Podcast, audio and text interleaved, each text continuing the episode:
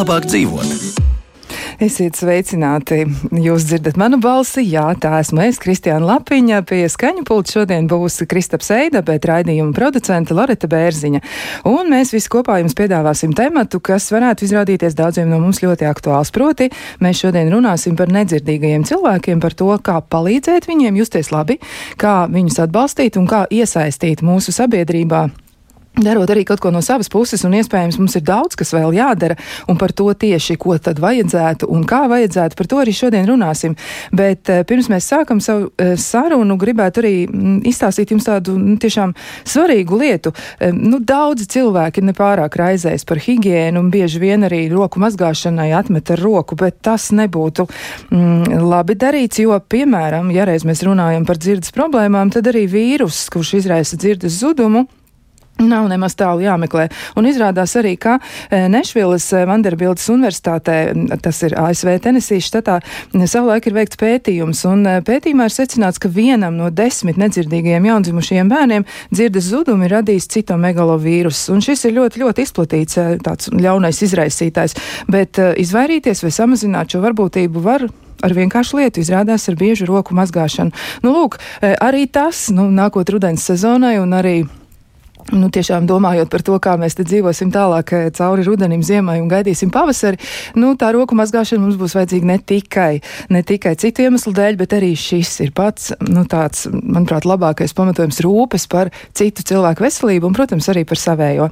Bet, nu, gan pie temata. Eh, studijā esam aicinājuši arī cilvēkus, kuri stāstīs par lietām, kas ir aktuāls šobrīd un arī par to, kāda ir nākotnes plāni. Un proti, Pie mums studijā ir projekta vadītāja, un projekts saucas Demokrātijas kultūras laboratorija, un par to arī runāsim sīkāk. Bet projekta vadītāja ir Aisa Nikova. Sveicināti! Labdien! Un vēl esam aicinājuši arī pie mums studijā Latvijas nedzirdīgo savienības viceprezidentu Brigitu Lazdu. Sveicināti! Labrīt!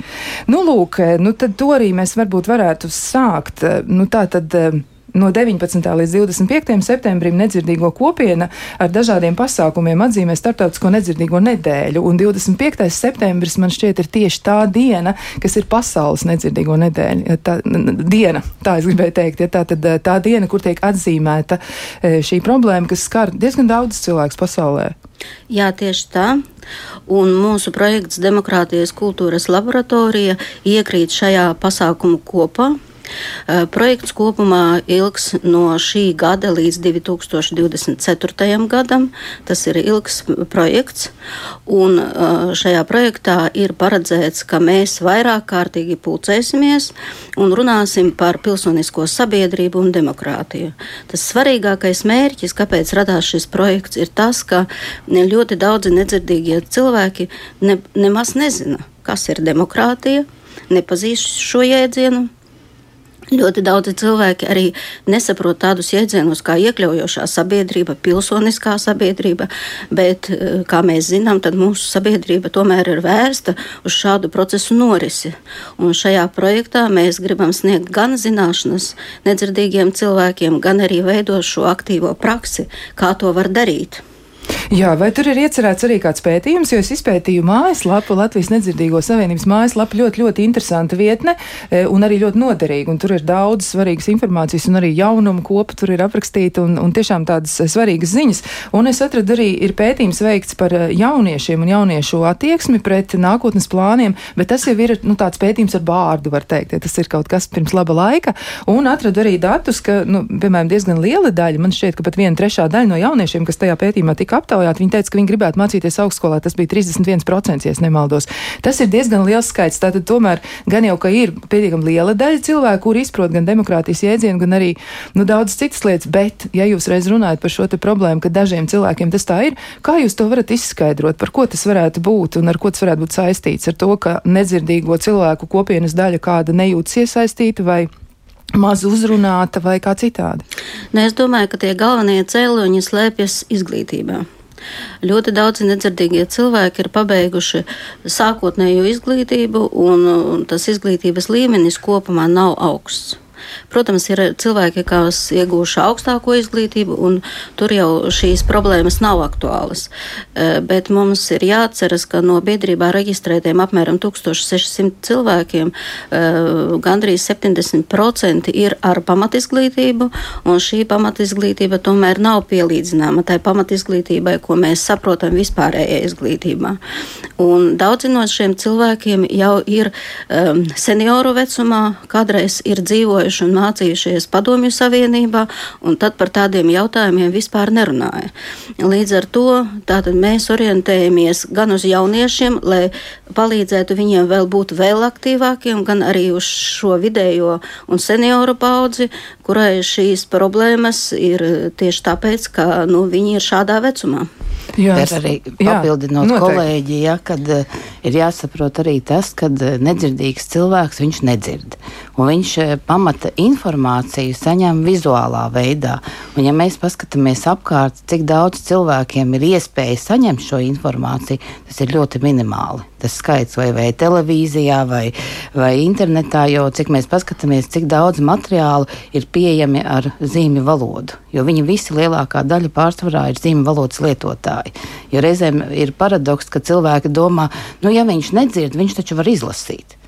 Bet tā gluži nav. Jo, jo jāsaprot, tas, ka cilvēki ar dzirdes zudumu ir e, dažādas pakāpes. Ir no vājdzirdības līdz pilnīgai nedzirdībai. Un tie cilvēki, kas pilnīgi nedzird, viņi lieto zīmju valodu. Tātad viņiem informācija ir nepieciešama zīmju valodā. Un kā kolēģi teica, ka viss slēpjas tajā izglītībā, tāpēc, kad padomu laikā e, cilvēki mācījās, e, nu, nedrīkstēja lietot zīmju valodu. Šobrīd šo zīmju valodu drīkst lietot. Kāpēc nedrīkstēja lietot? Bija ar likumu aizliegts lietot lietot zīmju valodu. Cik Viņi mācījās pēc orālās eh, mācību metodes un lasīja no lūpām. Tas izklausās ļoti diskriminējoši. Jā, ļoti tieši tā. Un tieši tāds arī ir bijis. Nu, vēl arī projekta aprakstā, kas ir arī mums pieejams, un tur ir ļoti daudz dažādas lietas, noteikti arī vēl par to ir vērts pastāstīt. Bet te ir arī tāda būtiska lieta atzīmēta, ja, ka, lai nedzirdīgie iedzīvotāji spētu izprast un piedalīties pilsoniskās sabiedrības aktivitātēs, nepietiek ar ziņu raidījumiem televīzijā ar surdo tulkojumu. Protams, ja, jūs, ja mēs tā paskatāmies, būtībā vienīgais ziņu raidījums, kurš ir pieejams, tas ir ziņas sešos vakarā. Ja? bet uh, dzīve jau notiek katru dienu. Protams, kad uh, pateicoties Latvijas televīzijai, mums ir ļoti daudz dažādi diskusiju raidījumi, vis, bet tie pārsvarā notiek interneta vietnē. Bet mums ir jāsaprot, ka mums ir ļoti daudz cilvēku vidēja vecuma, seniori, kuriem nav tās jaunās prasmes, viņi neprot lietot uh, internetu, līdz ar to viņiem vajadzīgs ir nu, tas raidījums tiešsaistē. Un ļoti daudz kas ir internetā, un, un tāpēc mēs arī esam spiesti mācīt jaunas prasmes, un, piemēram, komerctelevīzijās vispār nav pieejams. Tātad viņiem tas informācijas iegūšanas eh, veids ir ļoti minimāls. Nu, es vērtētu, ka tie varētu būt apmēram 5% no tā, ko mēs dzirdīgie cilvēki dzirdam. Un līdz, līdz ar to tas ierobežojums ir ļoti, ļoti liels. Otrām kārtām, ne visiem jēdzieniem un visiem terminiem pastāv adekvāts, adekvātas zīmes, un otrām kārtām arī šīs zīmes vēl vajag nu, iedzīvināt šajā nedzirdīgo savienībā, un tam visam ir vajadzīgs laiks. Savā laikā 2017. un 2019. 2019. gadā mēs esam veikuši pētījumus par dažādiem jautājumiem, tā skaitā saistībā ar šo pilsonisko sabiedrību, un mēs secinājām, ka cilvēki nezina elementāras lietas, viņi nezina, kas ir satversme, viņi nezina, ko nozīmē un kā pārstāvēt savas tiesības, un līdz ar to šī problēma viņa ir jāaktualizē nevis vienu reizi, bet vairākas reizes, lai cilvēkam tas ir nu, tāds, tāds jautājums, ko viņš dziļi saprot. Viņš saprot, ka viņam ir tieši tā tādas pašas tiesības kā visiem pārējiem cilvēkiem un kā viņas realizēt. Ja interesanti arī nu, pieskaroties šai tēmai par, par savām tiesībām, nu, arī šī projekta ietvaros mums eh, tika veidotas reģionālās diskusijas, jo viss jau nenotiek tikai Rīgā, bet visā Latvijā. Un mēs arī konstatējām, pat uh, cilvēki pat nezināja, ko nozīmē ANO konvencija ko viņa sevī ietver un kādas katram cilvēkam ir tiesības. Un, ja viņam ir problēmas vai kaut kas, viņš pat nezināja, kur viņš drīkst, drīkst griezties. Jo tad, kad mēs uzdevām cilvēkiem jautājumu, nu, ja tev ir nepieciešama palīdzība, kur, kur tu griezīsies? Pirmais bija zīmju valodas tulks, Un otrs bija, protams, Latvijas nedzirdīgo savienība. Par citām iestādēm Latvijā, kad es varu kaut kur griezties, lai aizstāvētu savas tiesības, vai es jūtos diskriminēts darba vietā vai, vai kaut kur citur, viņi pat nezināja to. Un pateicoties šim reģionālām diskusijām, viņiem pilnīgi tas bija kaut kāds jaunums, kas ir ANO konvencija, ko tie panti ietver. Izrādās, ka es varu sūdzēties, bet vēl kur ir eh, kad, uh, problēma, kad nedzirdīgs cilvēks, nu, viņš nemācēs uzrakstīt tā, kā dzirdīgs cilvēks. Un līdz ar to viņi kautrēsies no savas valodas, jo ir jāsaprot, ka nedzirdīgam cilvēkam dzimtā valoda ir zīmju valoda. Latviešu valoda tā ir svešvaloda. Tā kā mums tā būtu angļu valoda, vai krievu valoda, vai franču valoda. Ja? Nedzirdīgam cilvēkam tā ir svešvaloda, jo zīmju valodas gramatika ir citādāka, un latviešu valodas gramatika ir citādāka. Un līdz ar to viņi uzrakstot kaut kādu e, sūdzību vai, vai kaut ko par, par savu problēmu, viņi baidās no tā. Jo viņiem liekas, ka sabiedrība varbūt viņus nesapratīs. Un tad uh, mums bija viena tikšanās uh, satversmes tiesā, un mēs teicām, vai būtu jautājumi, vai būtu pārkāpums, ja cilvēks savā dzimtā valodā, zīmju valodā, video variantā aizsūtītu savu iesniegumu. Jo viņam ir tās tiesas, viņi teica, jā, tad viņu tālākā uh, problēma ir, kā atrisināt un kā iztulkot šo video. Jo būtībā nu, mēs dzīvojam visi vien, vienā valstī, un mums tiesības katram ir izteikt savu viedokli tā, kā es to varu. Man šķiet, tas ir kas tāds, ko daudz cilvēku nezina. Viņi neiedomājas, ka latviešu valoda nedzirdīgam cilvēkam ir svešvaloda. Viņi uztver to savādāk. Un šajā projektā tātad uh, ir notikušas jau pirmās aktivitātes, kā mana kolēģe Brigita teica, tad uh, notika reģionālās diskusijas par pašu pamatu tātad par ANO konvenciju un uh, jebkura pilsoņa tiesībām. Mums ir notikusi ļoti uh, plaša diskusiju diena dažādos formātos. Tas notika šī gada 23. septembrī ar mūsu viesu piedalīšanos. Bija pārstāvēts gan tiesības sarga birojas, gan vieglās valodas aģentūras pārstāvis, gan arī apērona pārstāvis, kur mēs kopā diskutējam, nu, kur tad ir šī šī problēma. Kāpēc nav tik vienkārši nedzirdīgam cilvēkam izprast un saprast uh, šo pilsonisko sabiedrību un vēl jau vairāk līdzdarboties? Un pēc visa šī notikuma, tātad uh, nākošais solis projektā ir paredzēts arī pētījums, ko es pati vadīšu. Nu, es esmu ekonomikas zinātņu doktora, tāpēc es protu organizēt šādus procesus, un uh, mēs paredzējām Tātad noskaidrot, kas, kādas tad ir pārmaiņas, kāda šī pozitīvā nobīde ir notikusi tieši projekta laikā un kāda ir situācija dažādos jautājumos. Un tas interesantākais ir tas, ka pēc visiem šiem pirmajiem pasākumiem, kad mēs runājām ar cilvēkiem, kas veiks pētījumus un tieši aptaujās un intervēs šos nedzirdīgos cilvēkus, mēs veidojām apmācības un šajā apmācību procesā mēs ar Brigudi arī konstatējam, ka arī šie intervētāji nelīdz galam iz, izprot šos jautājumus par to, kas ir demokrātija, kas ir pilsoniskā sabiedrība, un rodas tā kā, tā kā uh, duāla problēma. Tātad no vienas puses tā ir visas kopienas problēma, no otras puses tā ir arī zināmu līderu tāda neizpratne, viņš nevar uh, multiplikatīvi nodot šīs zināšanas citiem. Līdz ar to, protams, ir jāsaprot, mm, ka mēs Un mēs arī to saprotam, ka mēs ar vienu šo projektu nespēsim panākt šo simtprocentīgo rezultātu. Būs nepieciešama atkārtot šos soļus. Jā, un kāds ir tas nākotnes plāns? Arī jūs noteikti noskaidrosiet kaut ko vēl. Viena lieta, ko es arī saklausu, ir tā pozitīvā nu, virzība, ja tie cilvēki, kuri intervēs, intervētāji, kuri ir dzirdīgi cilvēki, ja, bet kuri pārvalda varbūt zīmju valodu, arī ir spējīgi iesaistīties nedzirdīgi, nu, komunikācijā nedzirdīgi cilvēki, ja viņi izpratīs labāk, tas nozīmē, ka arī pārējā sabiedrība iegūs no noteikti. Bet kas ir vēl nu, tā tālākā virzība, kā jums šķiet, kas varētu būt tālāk darāms projektā? Uh, nu, kā parasti. Tātad pirmkārt es piezīmēšu, ka intervētāji ir gan dzirdīgi cilvēki, gan arī nedzirdīgi, gan arī nedzirdīgi Aha. cilvēki. Un tā problēma parādījās nedzirdīgiem cilvēkiem. Skaidrs. Jo nu, viņi arī atrodas tādā pašā ierobežotā telpā un tādās pašās ierobežotās zināšanās. Um, tātad mūsu mērķis ir iegūt lūk šo datu bāzi un pamatojoties to plānot, kādus nākošos pasākumus tad mēs varam organizēt, lai šo procesu attīstītu tālāk. Nu, viens jau ir paredzēts pašā projektā, tas ir nākošajā gadā. Mums notiks apmācības uh, biedrības aktīvistiem, arī darbiniekiem, uh, lai palīdzētu viņiem veidot prasmes, kuras nepieciešamas, lai popularizētu biedrības darbību, jo ir cilvēki Latvijā, kuri neiesaistās biedrībā. Viņi atrodas vēl lielākā izolācijā.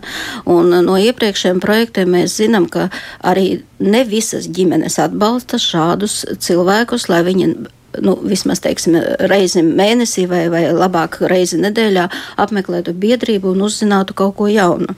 Jo tieši biedrībā ir iespēja sarunāties viņiem saprotamā veidā, tas ir latviešu zīmju valodā. Otra problēma, ko mēs arī e, šajās apmācībās saskatījām, ka e, daudzi cilvēki nelieto latviešu zīmju valodu. Viņi lieto citu zīmju valodu. Piemēram, kolēģi no Daugopils teica, ka viņu klienti ir cilvēki, kas lieto krievu zīmju valodu. Un arī šajā gadījumā tātad te ir nu, daudzas tādas paralēles, ko mēs varam vilkt. Tas ir pirmais, ir latviešu zīmju valodas apmācības attīstība, latviešu zīmju valodas apmācības uh, popularizēšana un arī pašas latviešu zīmju valodas attīstība. Tā kā te to virzienu ir ļoti daudz. Tas ne, ne, nebūtu tas nu, vienīgais virziens, ka mēs strādājam tieši ar pašiem nedzirdīgiem cilvēkiem. Jā, tā tad tā jēdziena izpratne tas būtu viens, bet uh, arī nu, te ir tā dati, ja, ka 5% pasaules iedzīvotāji ir ar dažādiem dzirdes traucējumiem, tātad arī, nu, kā teica, kā teica Brigita Lazda, ja dažādi dažādu, da, dažādas izteiktības pakāpes ir. Un, bet cik tad ir Latvijā? Nu, jums ir zināms, cik ir skaits eh, to cilvēku, vismaz nu, tādi, tādi oficiālie dati, jo gan jau ka par kādu cilvēku varbūt mēs nezinām. Bet, nu. Nu, līdz šim visu laiku pieņēmums bija, ka Latvijā ir apmēram nu, plus mīnus 30 tūkstoši cilvēku ar dzirdes traucējumiem. Tas ir ļoti, ļoti daudz. Jā, Tā ir jā. milzīga mūsu sabiedrības daļa. Mums ir jādomā jā, par šiem cilvēkiem. Ļoti jādomā, jo nu, mēs jau arī nu, savienība nu, mēs esam jau 102 gadi veci vai jauni. Ja? Un, un darbs ir ieguldīts milzīgs, un mēs ļoti domājam par jauniem tehniskiem palīglīdzekļiem, kā atvieglot cilvēkiem dzīvi. Tāpat mums ir problēmas, piemēram, ar zīmju, zīmju valodas tulku pieejamību. Tad nedzirdīgiem tiek izsniegtas uh, vizuālās saziņas ie, ierīces, kurās, ja teiksim, nav pieejams zīmju valodas tulks, tad aizejot uz kādu iestādi, viņš var piezvanīt tulkam operatoram un sazināties rīkoties caur šo viedierīci. Ja? Vai tas ir tik vienkārši izdarāms, jo Latvijā zīmju valodu e, tātad lieto, nu tie dati, ko es atradu, ja tātad e, divi ar pus tūkstoši cilvēku, jā, tas jā. ir? Patiesas skaitlis. Tas ir patiesas skaitlis, bet ne, tas ir e, tas skaitlis, ko mēs zinām. Tie cilvēki, kas kā reģistrēti mūsu biedrībā un ka viņi lieto zīmju valodu, bet tie, kas nav mūsu biedrībā, par tiem mēs nevaram zināt. Es domāju, ka noteikti ir plus mīnus tādi cilvēki arī. Bet tā ir milzīga atšķirība starp skaitli, ko jūs minējāt, cik vispār ir cilvēki jā, ar dažādas jā. izteiktības pakāpes dzirdes traucējumiem, un tie cilvēki, kur lieto zīmju valodu, ne jau visiem iespējams tas ir ļoti nepieciešams. Pilnīgi pareizi, jā. Te kaut kas ne nelīmējas. Nu, tur, saprotiet, ir tāda problēma, ka nedzirdīgie cilvēki savā starpā var teikt, ka viņi runā nu, tādā savā adaptētā valodā, un šīs zīmes daudz vieta, te Birgita mani papildinās, nesakrīt ar to oficiālo zīmju valodu, ko lieto tulki un, un, un teiksim, citi cilvēki. Tātad līdz ar to, ja kādos pasākumos nepietiek ar vienu tulku, kurš pastāsta un rāda šīs zīmes, lai uh, pastāstītu, kas, kas pašlaik notiek. Ir nepieciešams vēl arī atsevišķi. Dažiem cilvēkiem ir vajadzīgs vēlreiz tūks, kurš tagad adoptē to vienu vienu stāstījumu uh, šim konkrētajam cilvēkam, jo viņš nesaprot. Un, un tā ir tāda vairāk pakāpju nesaprašana. Līdz ar to, ja mēs runājam par eh, sabiedrības nu, pasākumiem, sabiedrības rīkotiem pasākumiem, pasākumiem tad um, es saskatu, ka uh, šī problēma var būt arī tāpēc, ka uh, cilvēki nesaprot arī kaut kādu daļu no tā, ko rāda zīmju valodas tūksto, jo viņi ikdienā nelieto daudz zīmes. Brigita papildina. Nē, nu, ir jau tā, ka ir sarunu valoda un ir pareizā latviešu zīmju valoda. Ja, un visi zīmju valodas tulki viņi, uh, lieto pareizo latviešu zīmju valodu. Bet tā kā mēs saprotam, ka ienāk dažādi svešvārdi, līdz ar to ir arī jāatrod atbilstoša zīme, bet tur jau ir tā tulka prasme kad redzot, kādai auditorijai viņš tulko, viņš uzreiz pielāgojas. Vai man ir seniori, varbūt man ir jāizmanto vieglā zīmju valoda, varbūt ir teiksim, cilvēki ar augstāko izglītību, tad ar tiem problēmas nav, tiem tiešā sinhronā tulkošana, nekas nav jāpārveido, jo tulkam bieži vien ir izaicinājums tulkot kaut kādas jomas, jo, piemēram, Eiropā ir tāda praksa, ja es, piemēram, strādāju par zīmju valodas tulku, es varu izvēlēties jomas medicīna, juridiskā joma, tur policija, ja, tur notāri vai vienkārši ejot pie uz medicīnas iestādēm, ka katrs var izvēlēties savu jomu. Latvijā zīmolots tūkst, viņam jābūt zinošam visās jomās. Politika, medicīna, izglītība, izglītība semināri un jā. viss šis, jā, un viņam jābūt zinošam visās jomās. Mēs ļoti daudz prasām no šī cilvēka, nu cik tad ir Latvijā vispār uh, tādi cilvēki, kas spēj šo darbu darīt? Nu, oficiāli pēc datiem, kas arī strādā mūsu kopienā un tie, kas ir beiguši varbūt arī sociālās valsts integrācijas aģentūru, kur sagatavo šos zīmju valodas tulkus, nu, mūsu kopienā strādā šobrīd vairāk vairāk kā 30 apmēram 38 tūki. Vai tā ir pietiekami? Nē, tas, pietiekami. tas nav pietiekami, jo uh, cilvēkam, uh, kurš nedzert un arī nevar, teiksim, izprast uh, rakstīto valodu, viņam faktiski jebkādās dzīves situācijās būtu vajadzīgs palīgs.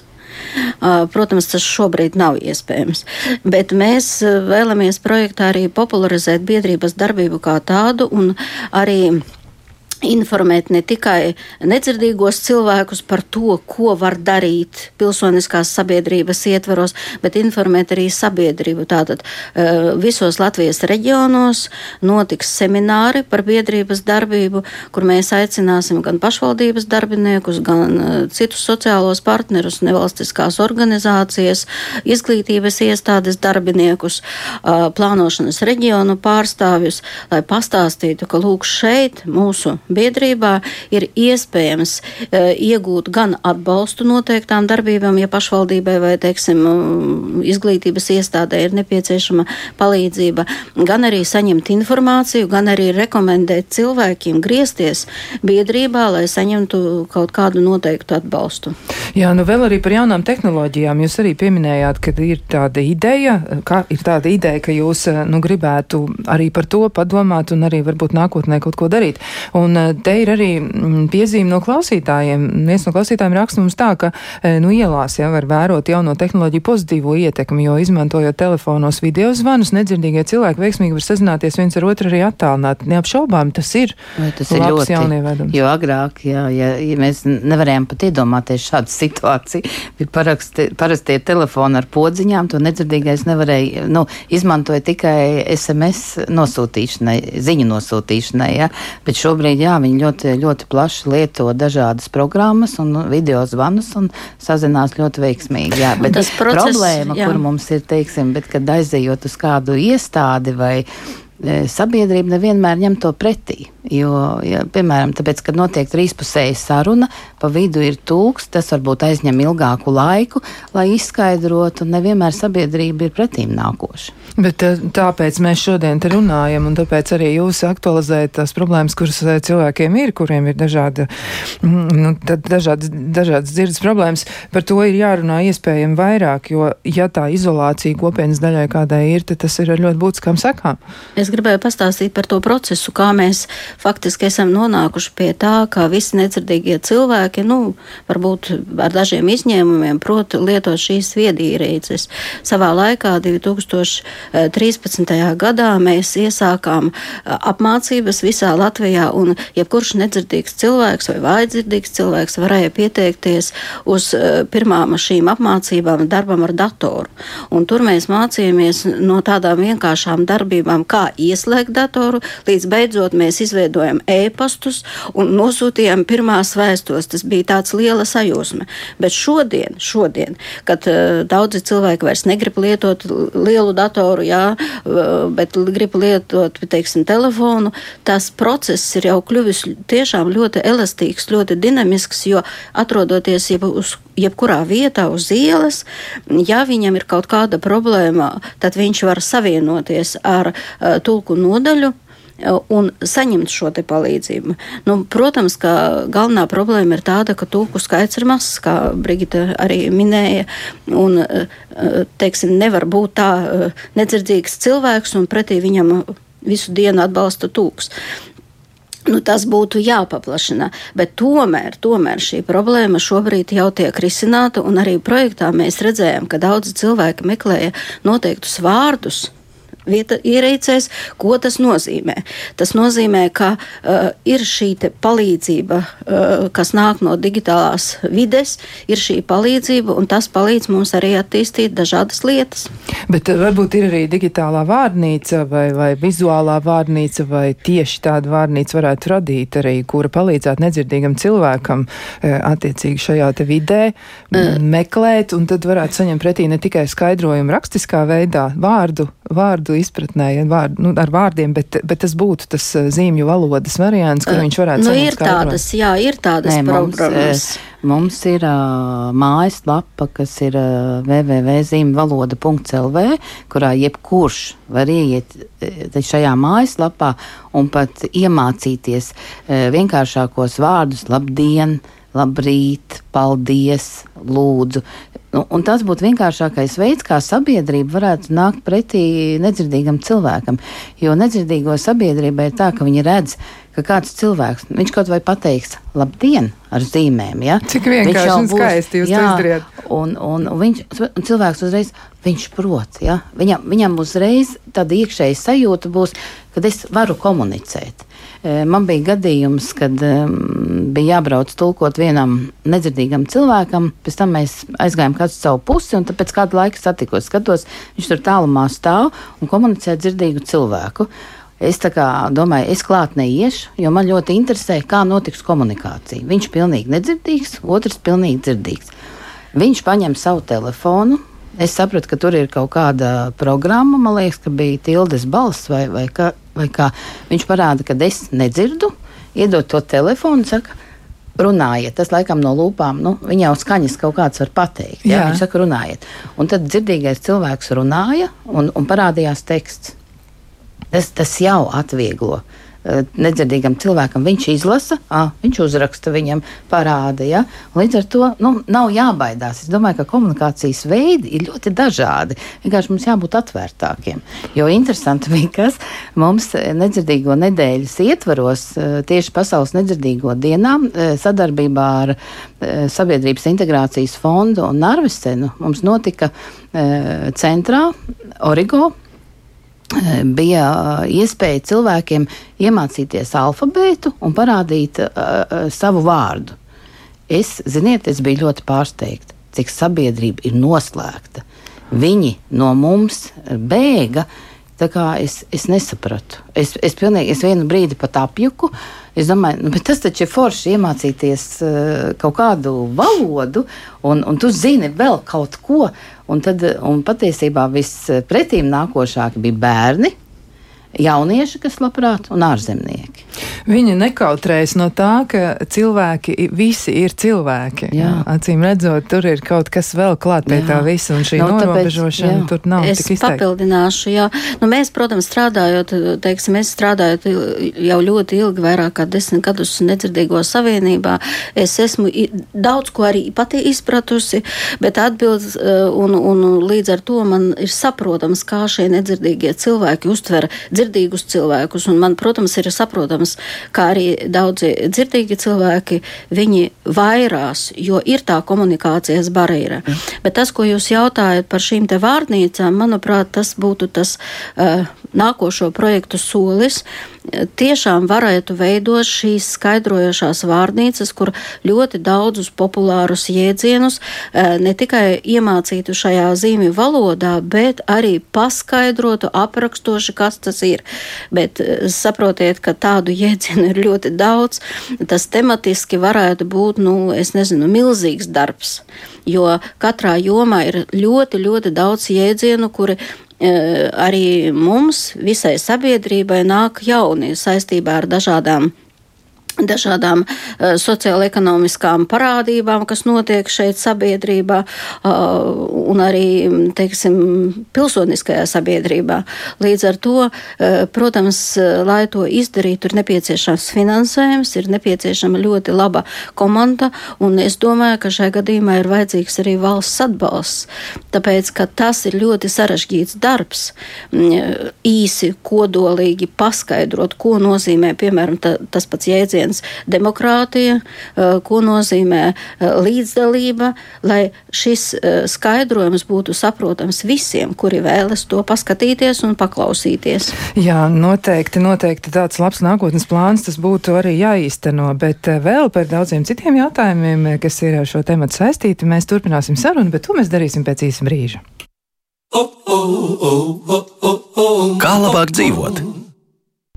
Turpinām sarunu par to, kā klājas Latvijā nedzirdīgiem cilvēkiem, kas tiek darīts, lai tuvinātu viņus dzirdīgajiem, un arī par to, ko mēs varam darīt, lai stiprinātu šīs sastarpējās saites un mazinātu to atšķirtību, kas 30 tūkstošiem cilvēku Latvijā ir ļoti, ļoti liels risks, nu, vismaz kādai daļai pilnīgi noteikti. Ko mēs no savas puses varētu izdarīt, lai mēs tomēr, nu, neatstātu šos cilvēkus bez atbalsta un lai viņi justos labi dzīvot kopā ar mums un mēs ar viņiem? Nu, jūs teicāt arī, nu, tiešām tā jūs jūsu pieredze, ko jūs aprakstījāt, ja par zīmju valodas mācīšanos tādā ekspromptu veidā, kur, kur plaša publika varēja to izdarīt, un jūs teicāt, ja, ka bija atsaucīga sabiedrības daļa, tātad bērni, jaunieši un cilvēki no ārzemēm, ja tātad vecā demokrātija laikam, ja tur kaut kur ir. Un, um, Un savukārt mūsu valsts iedzīvotāji izskatās, ka ir diezgan piesardzīgi un neiesaistīti. Nu, varbūt kautrējas. Kā šo kautrību pārvarēt? Kā jums liekas? Nu. Es domāju, ka mums pašiem, arī biedrībai, ir ļoti daudz jāstrādā ar sabiedrību.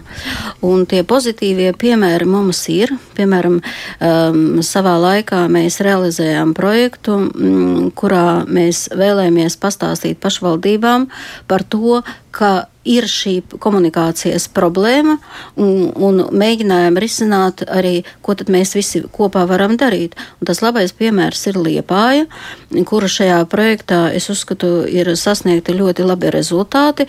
Tātad eh, mēs sākām šo darbu informējot stāstot, eh, kāpēc nedzirdīgais cilvēks eh, nesaprot pilnībā rakstīto tekstu, kāpēc viņam nav zināms, kādi pasākumi notiek pilsētā, kāpēc viņš nenāk uz šiem pasākumiem.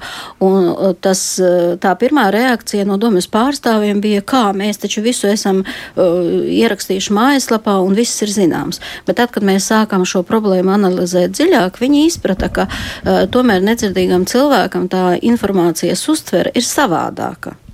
Un to ir jāievēro. Un uh, no 2019. gada aizsākās šī labā sadarbība, un šobrīd Liepājā tātad visos eh, sabiedriskos pasākumos, ko rīko, rīko pašvaldība, ir piesaistīti zīmju valodas tūki. Šī informācija tiek nodota arī biedrībā, un cilvēki nāk uz šiem pasākumiem, jo viņi zina, ka viņi sapratīs, kas tur tiešām notiek. Nu, mēs mēģinājām to darīt arī uh, Daugopilī, Reizeknē, uh, Ventspilī, Valmierā, Cēsīs un citās pašvaldībās, uh, bet šis process tik labi neaizgāja. Mēs saņēmām atbalstu, bet iespējams, ka arī mums pašiem pietrūka tā spēka, lai turpinātu visu šo, jo mūsu resursi ir diezgan ierobežoti. Bet Liepāja tomēr spēja to izdarīt. Mums bet ir. Liepāja arī grib papildināt, arī pateicoties šim projektam, kad Liepāja, Liepāja šobrīd arī veido video ziņas, kurās tiek informēts viss, kas notiek Liepājā, kur nedzirdīgi cilvēki var piedalīties kādos pasākumos. Un visos pasākumos, kas ir Liepājas pilsētas svētki vai 18. novembris, visur ir piec, pieaicināts zīmju valodas tūks. Un, kad runā pilsētas mērs, tad tūks šo visu runu iztulko zīmju valodā. Nu, es klausos, ka pilsētas mēram pašai pilsētai, pašvaldībai un vispār cilvēkiem kopā liepainiekiem ir svarīgi arī citi liepainieki. Ja, kad viņi tā. nav gatavi atteikties no kāda sava pilsētnieka vai cilvēka, kurš tur dzīvo, e, tikai tā iemesla dēļ, ka būtu vēl drusciņi jāiegulda enerģija un jāpalīdz cilvēkam sazināties. Bet, e, nu, par zīmju valodas mācīšanos, jūsu žests, kad jūs parādījāt, kā ir labdien, es tiešām ļoti interesējos, es noteikti, noteikti izpētīšu arī, e, nu, jūs minējāt mājas adresi www.zīmju valoda.lv. Ja, es noteikti tur paskatīšos, ja es gribu iemācīties zīmju valodu. Man liekas, tas ir, tas ir lieliski. Mm. Tas ir mm. noteikti ļoti svarīgi. Bet, kā, eh, kā ir? Bet Cik daudz cilvēku ir gatavi atkāpjoties, es teiktu tā, ka visa pamatu pamatā ir attieksme. Jā. Ja? Jo um, mēs esam dažādi jebkurā brīdī, bet, bet tomēr tas viss pamatu pamats ir tā attieksme, un es neskā pēc esmu arī savā darba pieredzē, es varu teikt, tas tulks no dzimšanas, jā, tā jāsaka, visā savā dzīves laikā man ir bijusi tāda sajūta, kad cilvēki baidās no šīs zīmju valodas, un viņiem liekas, ka tas ir kaut kas ārprātīgs, ka cilvēki ar rokām, nu, žargonā sakot, mahājās. Bet tā nav. Tā ir ļoti skaista valoda. Tiešām jo, skaista, jo nedzirdīgie jā. cilvēki, ja kāds arī ieietu mūsu, la, mūsu mājaslapā, kur ir video galerijas, bet nedzirdīgi cilvēki dzied. Tad rodas jautājums, kā viņi dzied. Jā, viņi mūziku nedzird, bet viņi iemācās vārdu zīmju valodā, skan fonogrammu, un viņi to izpilda zīmju valodā. Un, un tad, kad eh, patiesībā eh, dzirdīgs cilvēks, kad ir sevišķi jaunieši, ka viņi ierauga eh, šo dziesmu zīmju valodā, tas ir viens no pamudinājumiem, bet es gribu iemācīties.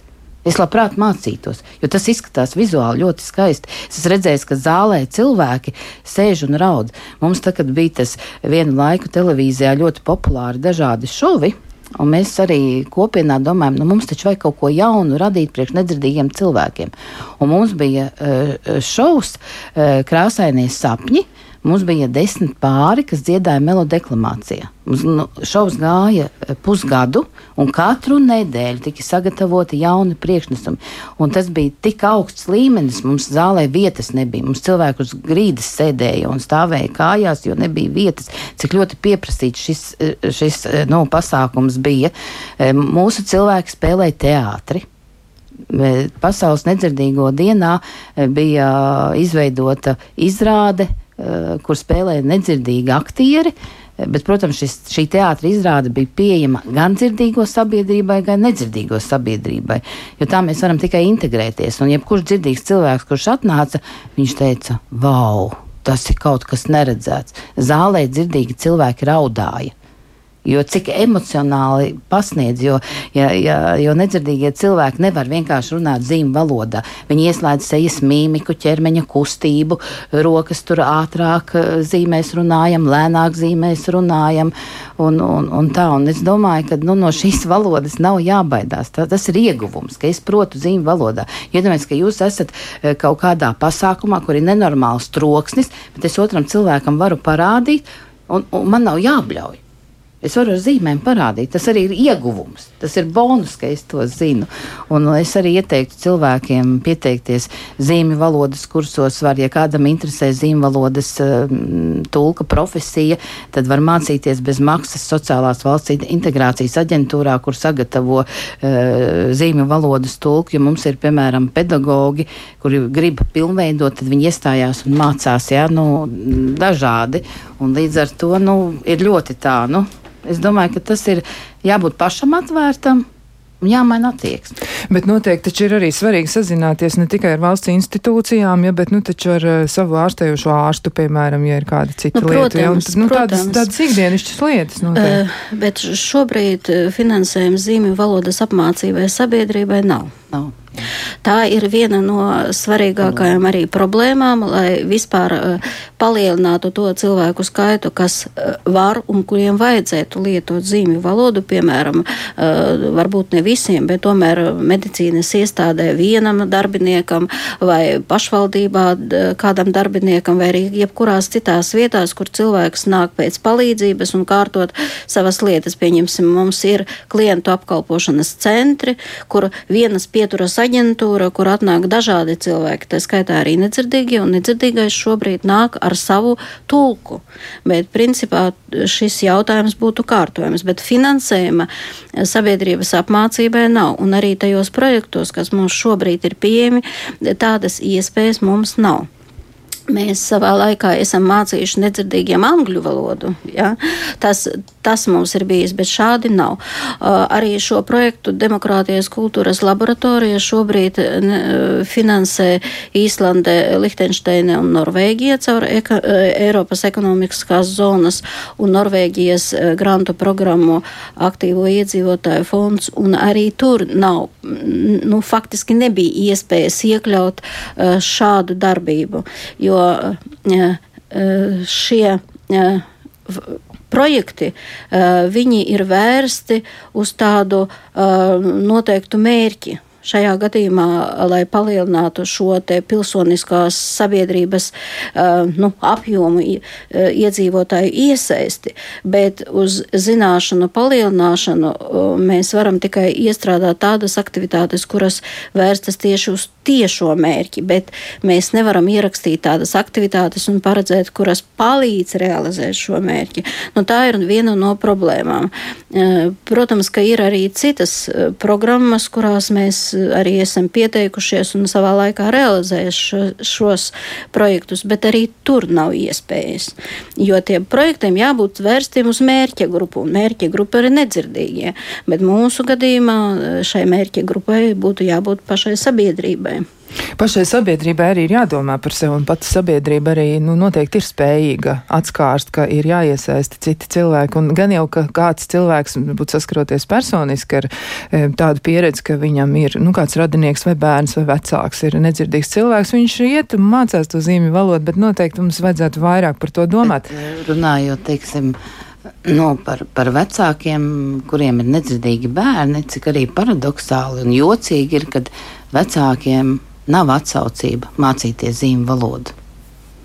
Varbūt tas, tas ir vēl ar kaut kādām psiholoģiskām lietām saistīts. Varbūt viņi kaut reiz ir vainīgi. Nu, es dažādi. domāju, ka noteikti, bet es arī šodien gribu iedrošināt vecākus, ka nevajag baidīties ar, ar bērniem kopā mācīties zīmju valodu, jo vecākam taču ir jākomunicē ar savu bērnu. Jā. Kā tu viņu vedīsi dzīvē, ja tu pat neproti to valodu, kurā runā bērns? Jo tas ir ļoti svarīgi. Es atceros, kad man bija jātulko vienas kāzas, e, kurā bija dzirdīgi vecāki, un bērni bija nedzirdīgi. Un, protams, kad es kā tulks visu laiku ar šo jauno pāri, un tad pienāca viena mamma ar asarām acīs. Viņa saka, kāpēc es nemācījos no bērnības ar viņiem kopā zīmju valodu?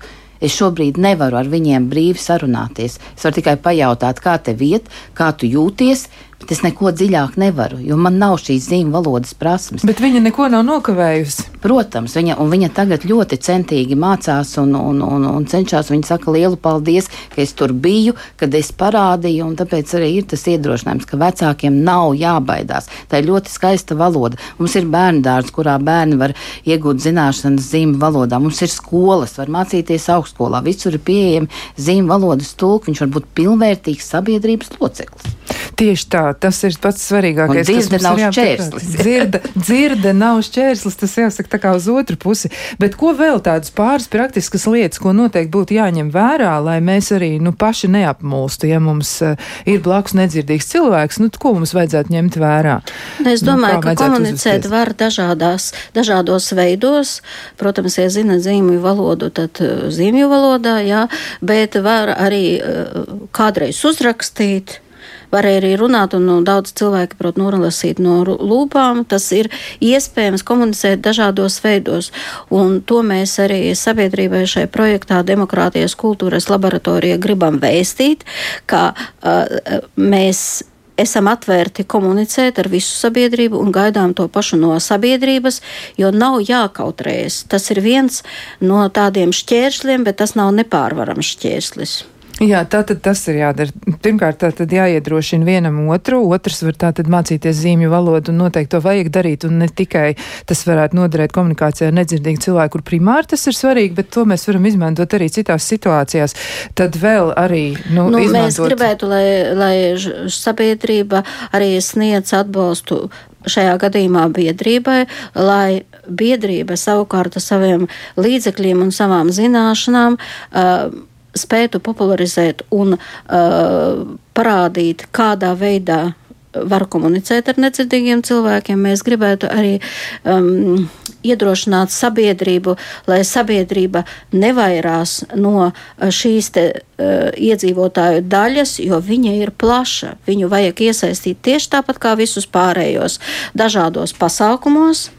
Dažādās aktivitātēs un kopumā pilsoniskā Jā. sabiedrībā. Jo, piemēram, piemēram, šobrīd notika vēlēšanas, un ir liels jautājums, cik partijas tad iedomājās uzrunāt šo sabiedrības daļu. Jā, uzrunāt šo Jā. sabiedrības daļu.